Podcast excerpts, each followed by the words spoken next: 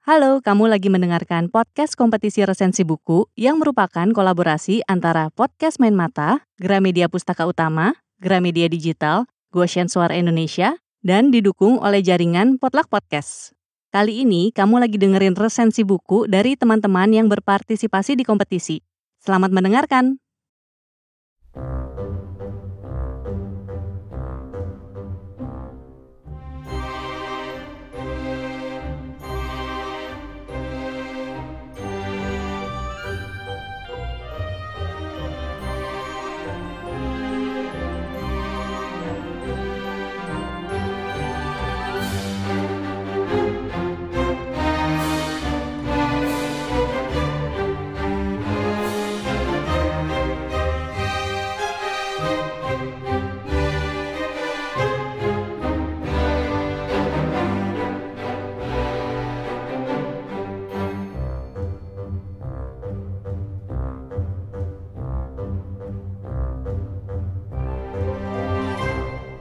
Mari kita buka.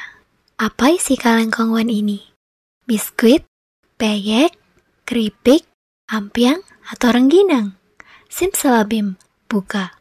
Isinya ternyata ponsel, kartu ATM, tiket, voucher, obat, jimat, dan kepingan-kepingan rindu yang sudah membatu. Dari sinopsisnya saja, buku ini sudah unik dan menarik. Tapi Sampul merahnya yang mentereng itu, menurut saya punya daya magis dan memanggil-manggil saya untuk membeli buku ini. Dari dulu, saya memang penikmat puisi, meski kadang susah menerjemahkan maknanya. Saya selalu jatuh cinta dengan rangkaian kata di buku puisi. Apalagi di buku perjamuan kongguan ini, saya seolah tersihir atau terhipnotis dengan kesederhanaan kata-kata yang diramu oleh Joko Pinurbo. Mungkin sebagian kalian tak terlintas di pikiran untuk membeli buku puisi karena lebih banyak space kosong daripada tulisannya. Tapi menurut saya, kalian hanya perlu mencoba membaca lebih dalam isi buku-buku semacam ini. Hal itu pula yang saya lakukan dengan buku perjamuan kongguan ini. Pada kesempatan kali ini, saya akan mencoba mengulas buku perjamuan kongguan. Buku ini merupakan kumpulan puisi karya Joko Pinurbo atau yang akrab disapa Jokpin Diterbitkan oleh PT Gramedia Pustaka Utama pada tahun 2020, buku ini terdiri dari 130 halaman. Puisinya sendiri dibuat tahun 2018 hingga 2019. Kita tahu kalau Joko Pinurbo merupakan penulis yang namanya sudah sangat masyur di dunia sastra. Belasan buku puisi telah ia terbitkan, di antaranya surat kopi, selamat menunaikan ibadah puisi, malam ini aku akan tidur di matamu, dan sebagainya. Sederet penghargaan juga telah diraihnya, mulai dari Hadiah Sastra Rontar pada tahun 2001 hingga Southeast Asian Right Award pada tahun 2014. Karya-karyanya juga telah diterjemahkan ke dalam bahasa Inggris, Jerman, Mandarin, dan lain-lain. Sebelum membahas isi buku, Menurut kalian, saat membaca judul dan melihat sampul buku ini, apa yang ada di benak kalian? Apa ya yang kira-kira Jokpin ingin sampaikan lewat buku ini? Pertanyaan inilah yang sempat ada di benak saya. Ide nostalgia dalam judul dan sampul buku inilah yang berhasil memanggil saya untuk akhirnya memutuskan membeli dan membaca isi bukunya.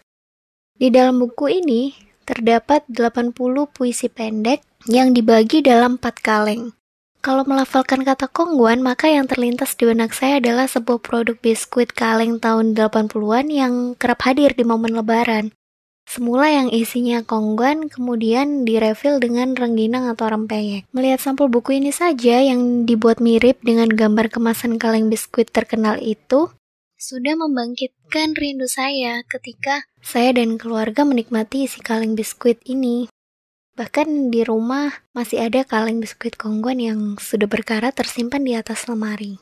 Bahasa yang digunakan Jokpin di buku ini menurut saya cenderung blok-blokan dan menyindir sesuatu secara halus. Bila di dalam kaleng kongguan sebenarnya yang langsung kita jumpai adalah berbagai macam jenis biskuit, tapi di sini saya merasa disentil dengan puisi-puisi satire dalam kaleng pertama. Misalnya pada kaleng satu, ada puisi dengan judul doa orang sibuk yang 24 jam sehari berkantor di ponselnya. Berikut puisinya. Tuhan, ponsel saya rusak dibanting gempa. Nomor kontak saya hilang semua. Satu-satunya yang tersisa ialah nomormu.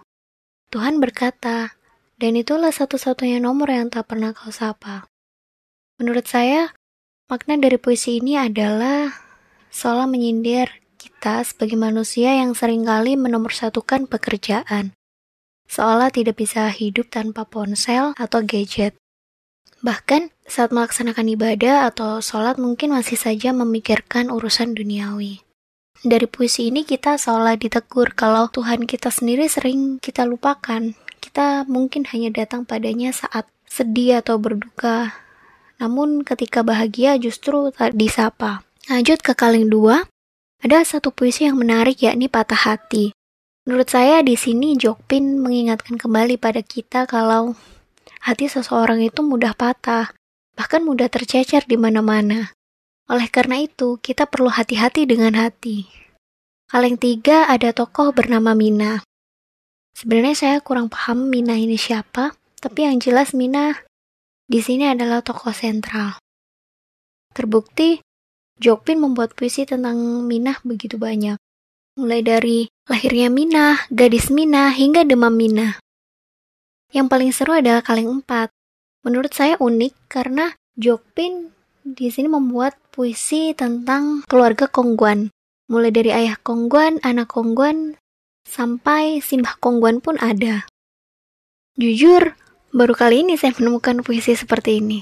Berikut puisinya. Banyak orang penasaran mengapa sosok ayah dalam keluarga Kongguan tak pernah tampak di meja makan. Kata anak laki-lakinya, Ayahku sedang menjadi bahasa Indonesia yang terlunta di antara bahasa asing dan bahasa jalanan. Anak perempuannya menyaut, ayahku sedang menjadi nasionalisme yang bingung dan bimbang. Si ibu angkat bicara, ayahmu sedang menjadi koran cetak yang kian ditinggalkan pembaca dan iklan. Semoga ayah tetap terbit dari timur ya bu, ujar kedua anak yang pintar itu. Bodoh amat ayahmu mau terbit dari mana, balas ibu. Yang penting bisa pulang dan makan bersama. Lagi-lagi menurut saya di sini Jokpin seolah menyentil pembacanya. Misalnya saat ini memang mungkin keberadaan koran cetak yang ditinggalkan pembacanya karena mereka beralih ke koran digital atau berita online. Secara garis besar, kaleng satu berisi puisi tentang keseharian masyarakat, tentang kemanusiaan, kehidupan sosial, dunia kerja, perkembangan zaman, dan teknologi. Kaleng dua masih berkaitan dengan kaleng satu, berisi kritik terhadap negara, agama, dan berhubungan dengan keadilan sosial. Kaleng tiga, penulis menghadirkan sosok Mina sebagai tokoh sentral. Tokoh Mina mungkin hadir sebagai kritik terhadap tradisi membaca atau literasi. Kaleng empat, kaleng inilah yang berisi menu utama dan menjadi kunci dari buku perjamuan Kongguan. Ketika membaca puisi-puisi di buku ini membuat saya tergelitik dengan puisi yang jenaka dan terbuai dengan romansanya. Beberapa puisi juga menyentil kondisi kehidupan sosial manusia seiring dengan perkembangan zaman. Akhir cerita, tanpa sadar saya sudah mencopot satu persatu puisi dengan santai. Tak terasa saya sudah menghabisi segala cerita tentang Kongguan. Akhirnya saya berhasil menyelesaikan satu buku puisi. Intinya puisi dalam buku ini jauh lebih mudah dicerna. Bagi kalian yang ingin beli buku ini, bisa beli di Gramedia atau toko-toko buku terdekat. Belinya bisa online atau offline langsung ke store-nya. Kalau saya kemarin lewat online, kebetulan ada diskon dari harga 60.000 menjadi 50 ribuan saja. Pesan terakhir yang ingin saya sampaikan yakni, saya sangat mengapresiasi buku ini. Semoga dari buku ini banyak orang-orang yang mungkin belum kenal dengan dunia puisi bisa minimal tertarik untuk membaca puisi melalui karya Jokpen. Karena puisi-puisi karya beliau selalu asyik untuk dinikmati sambil senyum-senyum sendiri. Bagi yang suka baca buku puisi ringan, menggelitik, dan membangkitkan kenangan, buku ini cocok dibaca sambil menikmati secangkir teh atau kopi dan cemilan biskuit. Apalagi kalau dipadupadankan dengan biskuit atau wafer kongguan. Jadi ulasan buku perjamuan Kongguan berakhir di sini. Saya Vika, sampai jumpa.